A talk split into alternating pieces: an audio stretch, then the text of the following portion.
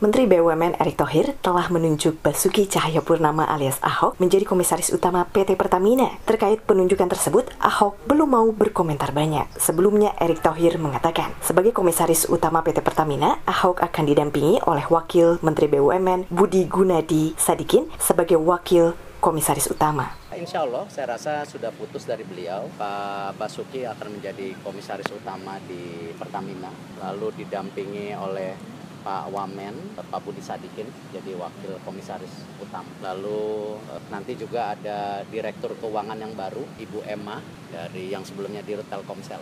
Karena memang kan Pak Pahala kan ada tugas baru bagi Dirut BTN, komisaris utamanya Pak Chandra Ham. Terkait adanya penolakan dari Serikat Kerja PT Pertamina, Erik mengatakan bahwa setiap orang yang mempunyai jabatan pasti memiliki pro dan kontra.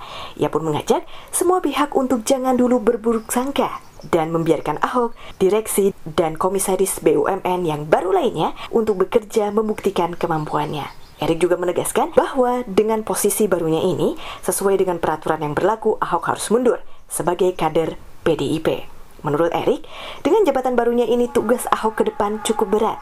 Maka dari itu ia mengharapkan koordinasi dan kerjasama yang baik antara Ahok dan juga semua pihak. Saya rasa bagian terpenting bagaimana target-target Pertamina, bagaimana mengurangi import migas harus tercapai. Ya, bukan berarti anti import, tapi mengurangi.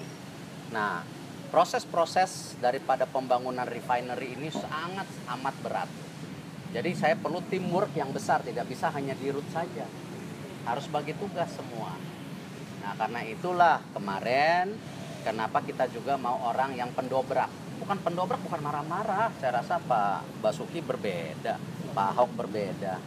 Ya, jadi sudah jadi uh, kita perlu figur yang pendobrak supaya ini semua sesuai dengan target. Toh beliau itu komisaris utama kan direksinya yang day to day. Dari Jakarta, Gita Intan melaporkan untuk VOA Washington.